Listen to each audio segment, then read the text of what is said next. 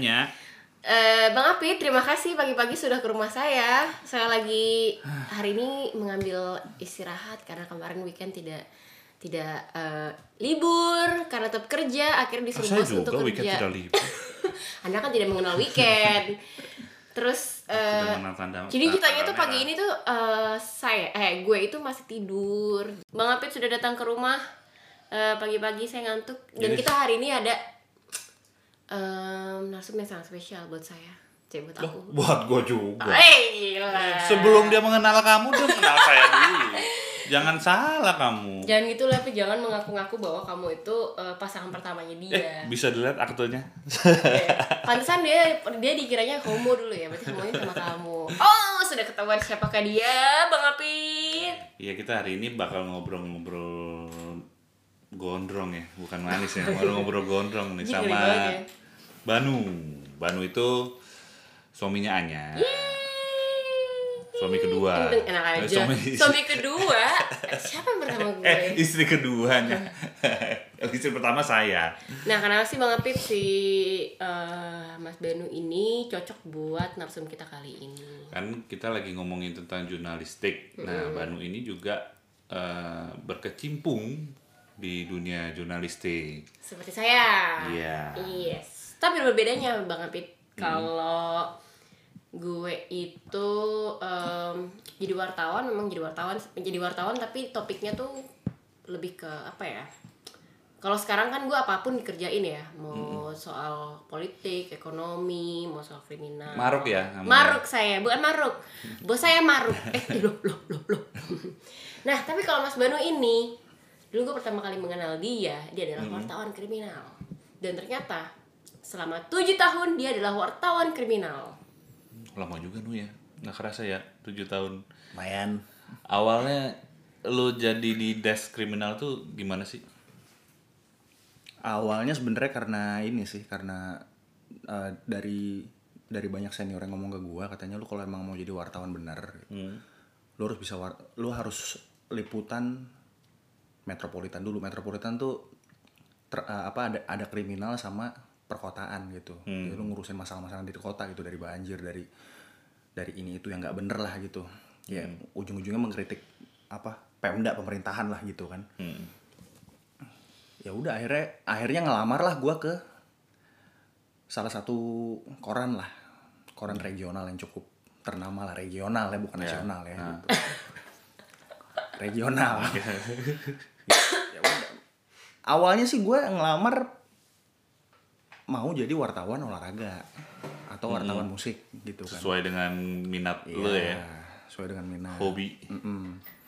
Nah, lalu kemudian waktu waktu di waktu di wawancara si orang yang wawancara gue nih bilang gitu ya udah mungkin kamu akan ditempatin di di desa yang kamu mau gitu, tapi untuk awal-awal kamu di metropolitan dulu ya gitu. Hmm. Ya paling berapa bulan lah katanya kan. berapa bulan 7 kali 12. Lah, kelamaan tujuh tahun liputan kriminal gitu.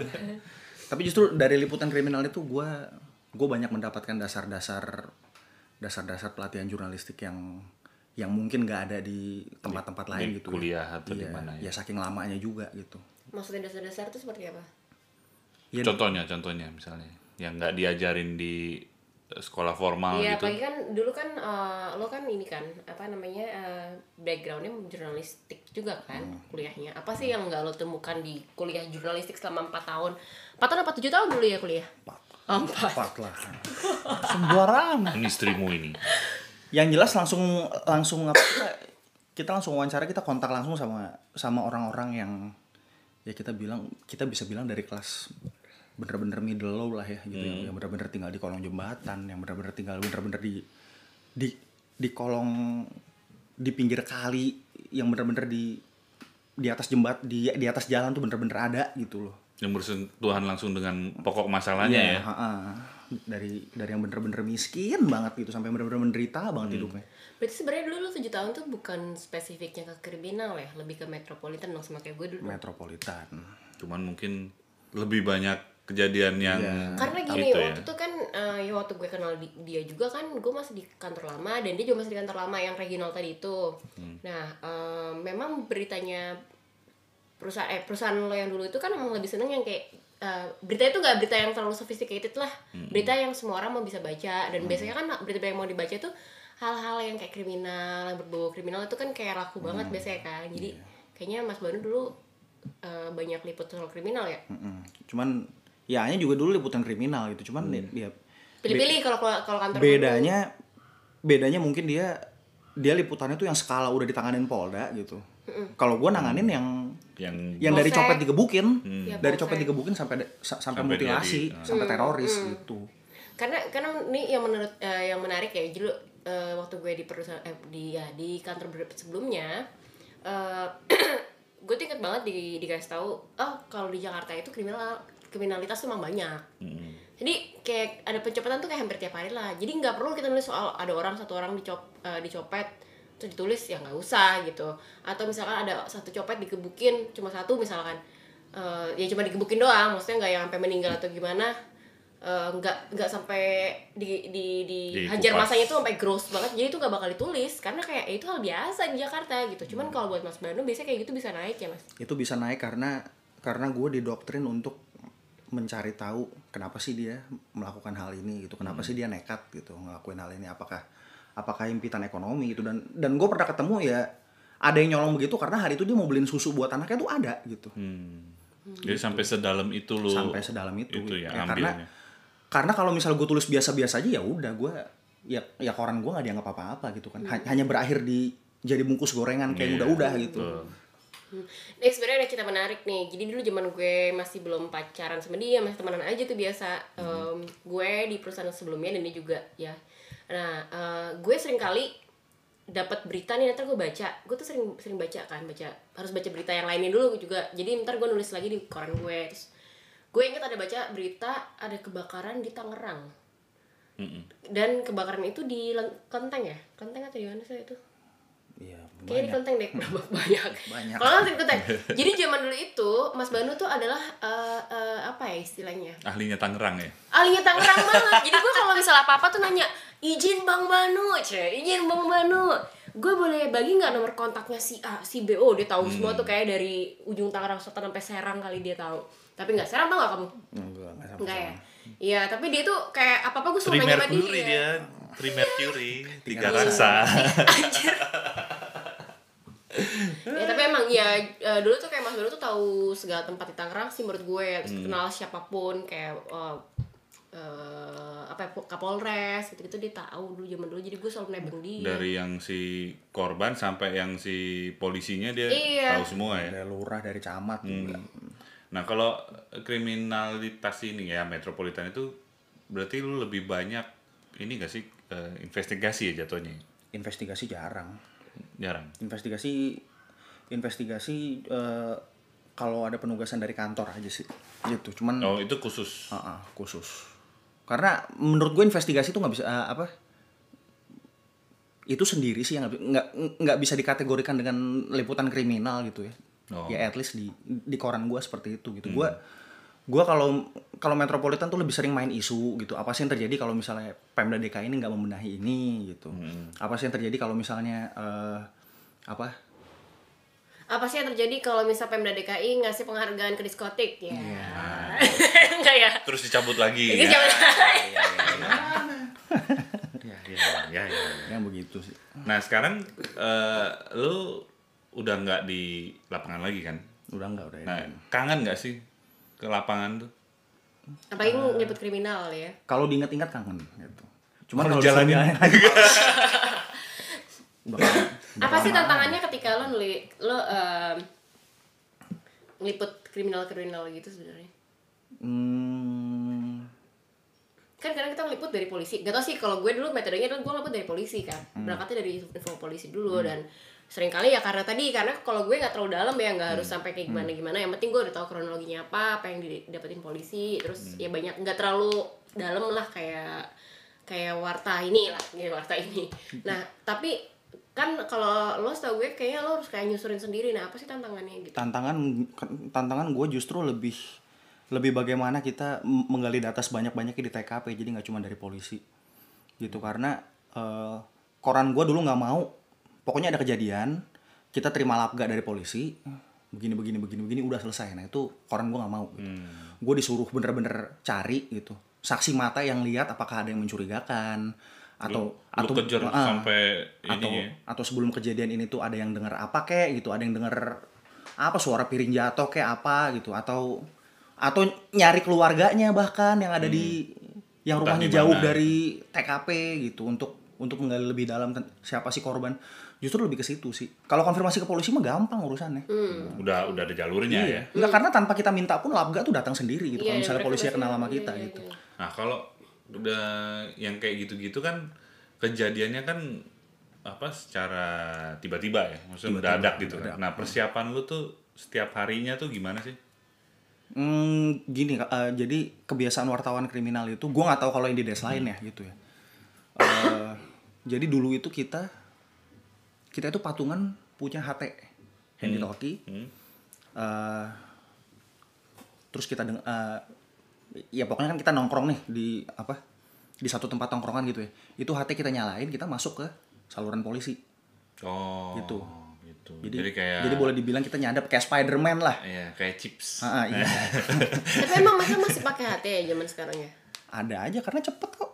Oh. Karena cepet. Ya kan lebih cepet sih kalau daripada handphone kan lu belum tentu delivered atau apa Pakai kalau voice note. ya 86 sama. 86 86 kirim. tergantung kirim. sinyal kan. Oh iya benar Kalau juga. frekuensi kan langsung gitu, radio Iya, frekuensi kan langsung. Nah, dari tujuh tahun itu em, apa sih pengalaman yang paling konyol yang pernah lo yang masih lo ingat sampai sekarang dalam meliput kriminal? konyol liputan kriminal eh Susah nih kayaknya. Hmm, kalau yang kalau yang spesifik konyol kejadian sih nggak ada ya cuman apa ya ya ini sih ng- nggak berlaku di kriminal doang tapi tapi di perkotaan juga ya ya mungkin karena gue Cina kali ya gitu. jadi jadi orang tuh Ngelihatnya gimana Ah, gitu ya. enggak bukan jadi orang tuh nggak ada yang ngeh gue wartawan setiap gue ke setiap gue ke TKP Eh itu gue sebelum sebelum lo maju, gue jadi inget nih Fit. Jadi gini Fit, zaman gue belum kenal nama Bas Manu, gue belum pernah tahu orangnya mana. Kan gue sering tuh baca baca eh, beritanya dia di platform Warta Kota ini lah, di, eh, di, di perusahaan dia sebelumnya. Karena kan dari kantor gue dulu kita kayak sering kayak translate, translate berita dari eh, Kompas, Warta Kota gitu-gitu kan, Tribun, Tempo, waktu itu boleh karena ada kerjasama gue sering nih baca berita tulisannya di bawahnya Banu Adikara, Banu Adikara, Banu- sering banget gue sering banget. Karena kan eh, itu di kanal Tangerang ya dan Tangerang Yeah. gue suruh ngambil pinggiran kota kota Jakarta. Jadi gue sering oh Banu Adikara, Banu Adikara, Banu Adikara di otak gue Fit itu tuh adalah mas-mas Jawa banget gitu lah mas-mas Jawa namanya Banu Adikara kan. Mas-mas Jawa gitu hitam lalalala one day gue ketemu langsung lah nih kan di Tangsel tuh di di mana mas? Di tuh di hotel Santika Hmm. terus kita kenalan dong tiba-tiba eh sa- oh, kan gue kenalan oh Jakarta Pos Anya gitu. Terus dia kayak oh iya ya Warta Kota Bandung. Terus gue langsung hah? Banu Dikara dan waktu gue anjir gue kira mas-mas Jawa ternyata Cina. Ya kan? Putih gondrong. gondrong. Eh enggak dulu belum gondrong. Dia rambutnya masih polem ya kan? pendek polem kan? Nah terus gimana tuh gimana tuh? Sampai mana tadi ya? Tadi lo karena lu oh iya. Eh, nggak pada percaya. Ah, ah, nggak pernah percaya. Ya. Cuman pada akhirnya ya gue menggunakan itu sebagai kelebihan gue gitu. Gue menggunakan kecinaan gue untuk mengelabui orang-orang di, di sekitar TKP aja karena kan kalau misalnya kalau misalnya ada satu kejadian kan orang tuh cenderung orang tuh cenderung tertutup sama wartawan kan. Saya tanya, ih enggak, An." pokoknya alasan paling sih, ah enggak, ntar, ntar saya masuk TV gitu kan. Padahal kan gue koran ya. iya. iya sering banget kayak gini ya Gue ntar masuk TV gitu ya udah cuman karena penampilan gue tidak seperti wartawan gitu dan gue tidak pernah pakai ID kalau liputan gitu A- ID hanya gue keluarin kalau misalnya keadaannya mendesak banget gitu ya udah ya ya gue sok-sok belaga jadi warga sekitar aja. Ya apalagi kan gue dulu liputan daerah Jakarta Barat kan. Iya. Jakarta Barat daerah Cocok dah tuh. daerah Tanjung Duren Nah. daerah Taman Sari daerah Glodok ya kan? Yang sipit-sipit semua tuh. Ya udah nggak ada yang curiga gue wartawan. Ya udah mindik-mindik aja nanya ini ada apa sih? gitu. Ini apa sih begini begini begini? gitu. Ya begitu udah cukup baru ke ke orang berikutnya gue ngaku gue wartawan gitu. Sebagai itu juga ya kamuflase juga jadi ya. iya akhirnya boleh boleh.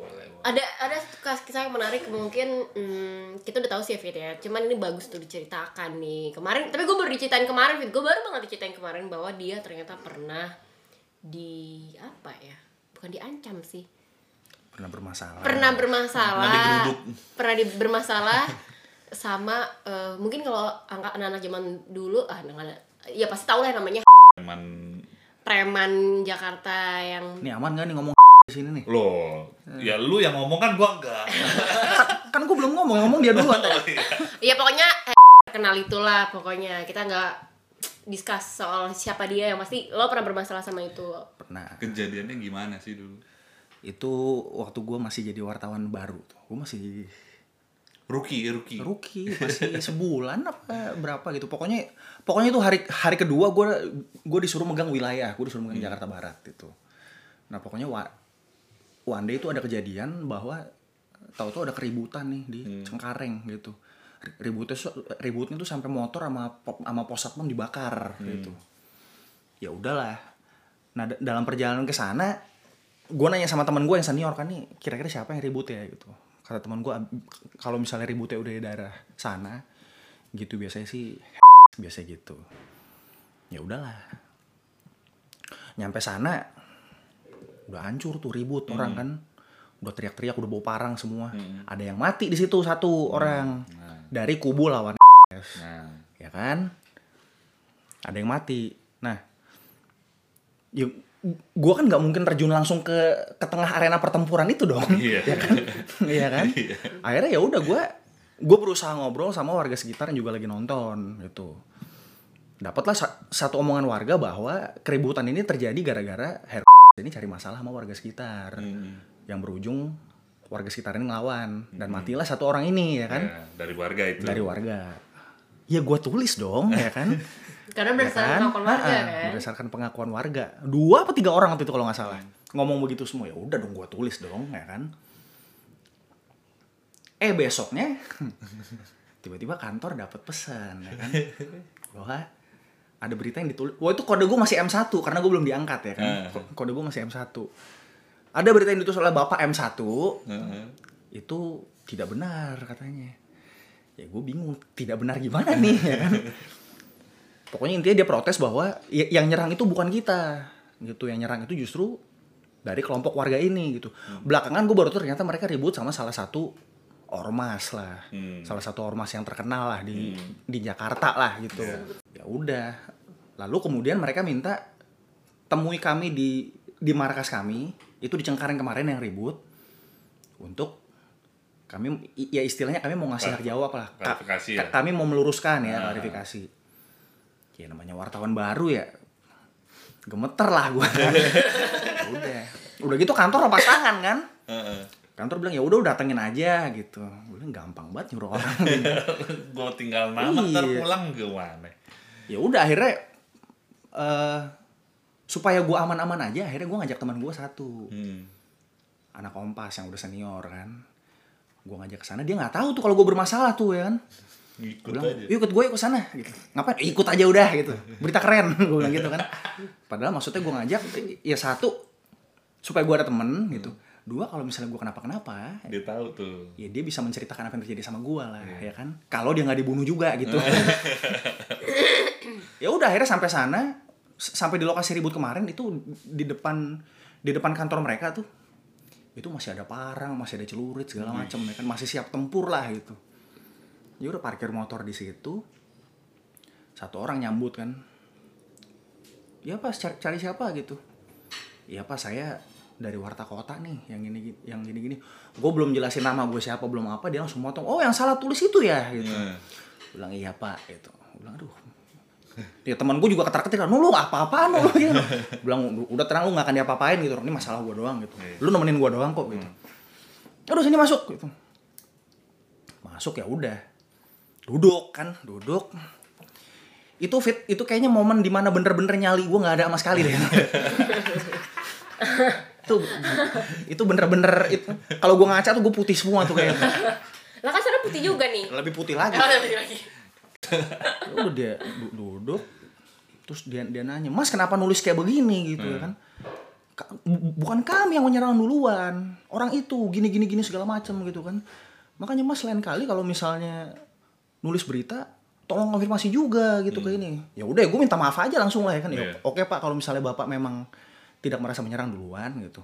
Ya saya minta maaf pak gitu. Tapi memang keadaannya kenapa saya tidak konfirmasi ke pihak bapak ya nggak memungkinkan kondisinya pak. Lagi panas. Gue bilang gitu kan. Orang lagi bacok-bacokan gitu. Gitu. Oh, udah lah pokoknya dia ngomong panjang lebar gitu. Ya jadi mereka ini tuh begini begitu. Em- emang mereka tuh selalu mengganggu kami. Kami tuh nggak pernah menyerang. Kami tuh warga baik-baik di sini gitu kan. Ya udah dia nanya lagi ya sebetulnya nggak apa-apa kalau misalnya bapak kemarin mau konfirmasi kami datengin aja kami ngobrol gitu kan. Gue ngomong pak gini pak bapak lagi bacok-bacokan di tengah nih ya kan? Ya kan? Ini bacok-bacokan nggak satu dua orang nih ya kan? 20 lawan 20 kali ada gitu kan. Terus bapak mau saya tiba-tiba ke sana gitu nanya yang ada saya yang mati pak gue bilang gitu kan. Ya udah dari situ untung cair suasananya. Oh enggak lah tenang aja kita nggak begitu. Udah mati gue nggak begitu gimana gitu kan orang. Ya udah akhirnya akhirnya selesai. Akhirnya bilang ya udah pokoknya tolong nah, apa kami nggak akan nuntut gitu tapi tolong diluruskan aja. Bahwa kami kami tidak pernah menyerang duluan gitu. Habis itu dia bilang ini untung pak belum baca berita ini nih gitu. kalau baca kamu tahu kan seperti apa gitu kan. Ya karena memang kantor gue yang dulu itu pernah punya sejarah jelek banget sama Oh, Gitu. udah ada sejarah. pernah disamperin kantor digeruduk. Wih. gitu. Ya ya pak siap gitu kan. Ya udah habis itu itu kan kejadian kalau nggak salah 2010 2011 kalau nggak salah. Ya, empat tahun berikutnya eh, tangkep kan di di kebun jeruk kan? Gitu. Oh ya udah gue dengan bangganya. Rasakan gitu kan. Rasakan kamu dulu neror neror saya. Sekarang kamu di borgol depan saya. Oh gitu. ternyata kan kalau Itu jadi satu apa ya? Pelajaran berharga Oh, banget itu, ya. itu berharga banget sih bagaimana bagaimana kita harus menerapkan cover both side di dalam liputan itu Nah, itu. itu. Itu gue belajar langsung di lapangan tuh gitu. Karena nyawa gue taruhan iya ya kan? Ya, Kadang-kadang teori kan cuman ya Iya, se- begitu aja kalau di kelas. Oh iya oh iya tapi begitu di lapangan kalau lu nggak jalanin langsung mungkin lu nggak akan Iya. dapet intinya. Satu itu dua eh, apa kalau misalnya mungkin kejadiannya ketika kita liputan ekonomi kita liputan eh, politik kita liputan liputan artis gitu eh, keselamatan lu tidak terancam seperti ketika liputan kriminal Iya, gitu. Kesombongan lu masih tinggi. Iya iya. Heeh. lu di situ jadi bener-bener menghargai keselamatan lu lah gitu. Mm-mm.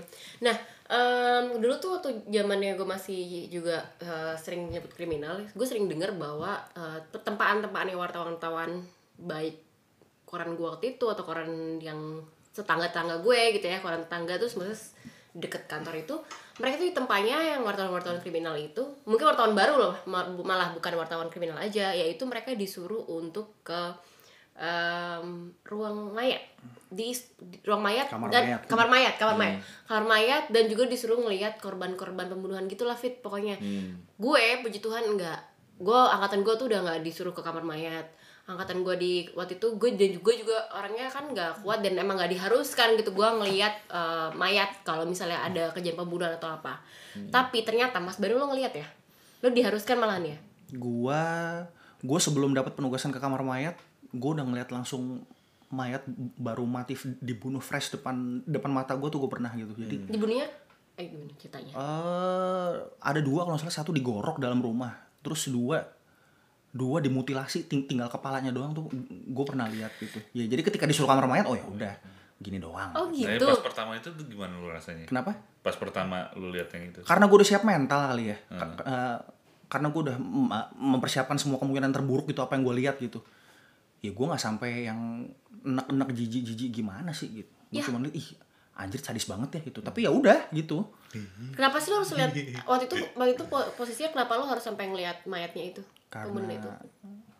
karena pengen aja penasaran. Ya alah, gue pikir kali ditugasin. enggak karena pengen aja penasaran gitu. Gue foto malah tapi malah jadi apa ya kayak obat buat lu ya. Jadi kalau dapat dapat berita yang lain ntar jadi udah biasa gitu ya Tapi tapi kalau misalnya waktu itu lo disuruh diharuskan nggak sih ngeliat-ngeliat mayat kayak gitu? Kalau gue kan enggak. kalau kalau memang kejadiannya parah banget ya harus harus banget Ada ada contoh kejadian yang kayak gitu di sini. eh pokoknya dulu pernah ada pembunuhan satu keluarga di daerah Tomang lah kalau nggak salah pembunuhan daerah sat- di satu keluarga malam-malam gue harus datang ke sana eh gue harus bisa gambarin posisi Mike dalam rumah tuh gimana aja karena untuk kebutuhan grafis kan di depan koran kan Kan- kan dulu koran gue tuh sering sering bikin grafis gitu. Kalau misalnya beritanya jadi headline gitu kan.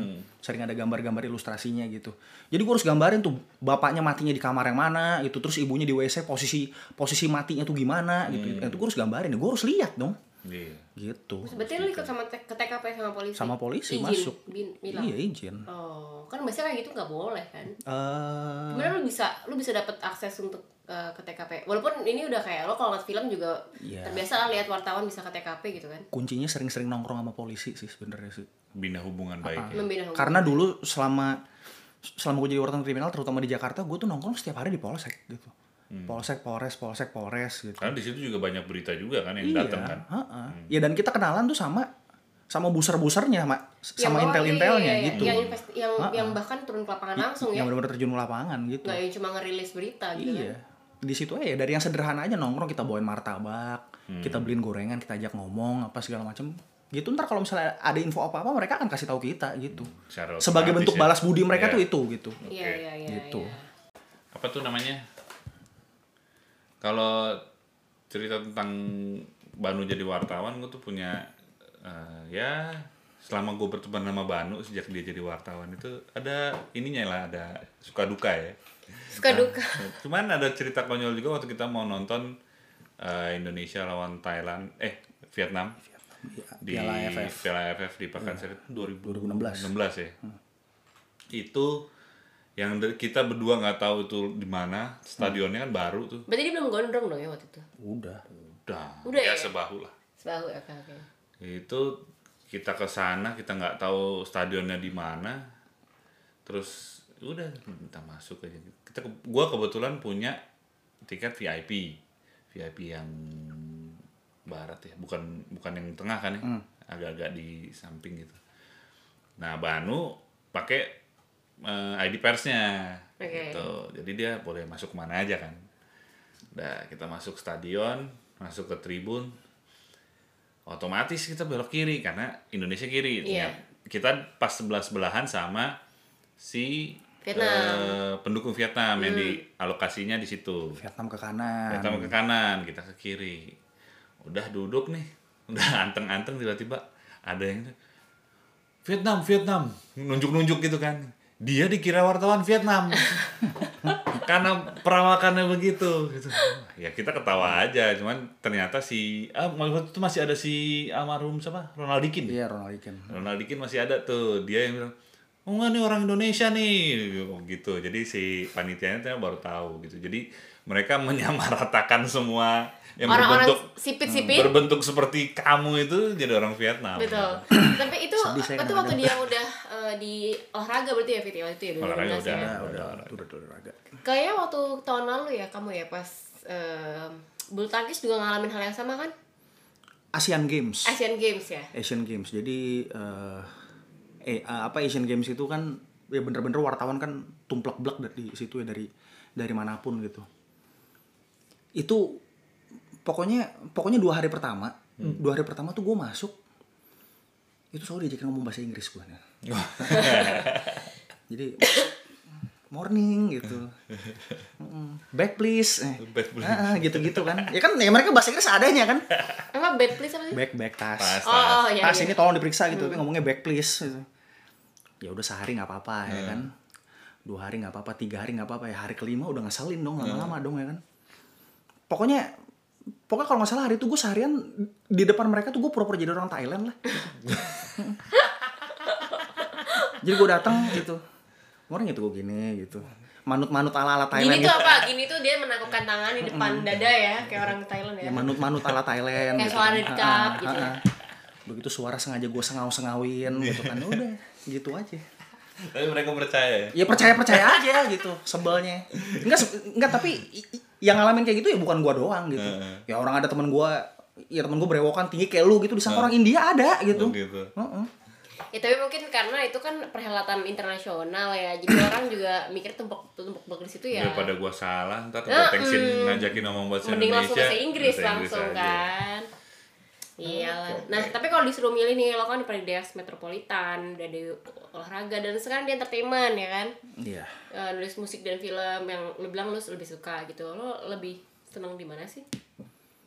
Senang di rumah. Seneng di- sama saya. Alalalala. Salah ya. Kalau liputan liputan gue lebih senang olahraga sih. Tetap tetap lebih senang olahraga karena tujuan gue jadi wartawan gue mau jadi wartawan olahraga gitu. Gitu. Kriminal tuh justru enggak gitu, cuman ya Memang stepnya harus pengalamannya gokil sih yang dapat dari sana tuh. Itu nggak bisa dapat di mana-mana itu. By the way, gara-gara dia di kriminal dulu ya, dia tuh jadi sampai tahu loh. Oh iya, di Tangerang ini nih tempat eh, esek-esek paling terkenal yang high end. Wah, kok bisa tahu ya kan? Ah. itu pentingnya Kalau- investigasi. Kalau mau yang lebih murah tuh di sana tuh di mana yang di pojok-pojok deket bandara, bandara apa mas? Di di ini. Dadap, dadap, Dadap. gitu. Oh, gelang, wah hebat juga lo jadi tahu kayak gitu-gitu. Dadap. dadap, jauh ya. Sebelum dia tembus tol aja dia udah tahu. Iya. Sudah tahu saya. Tapi no, em, sekarang tuh kan banyak eh, media online ya. Hmm.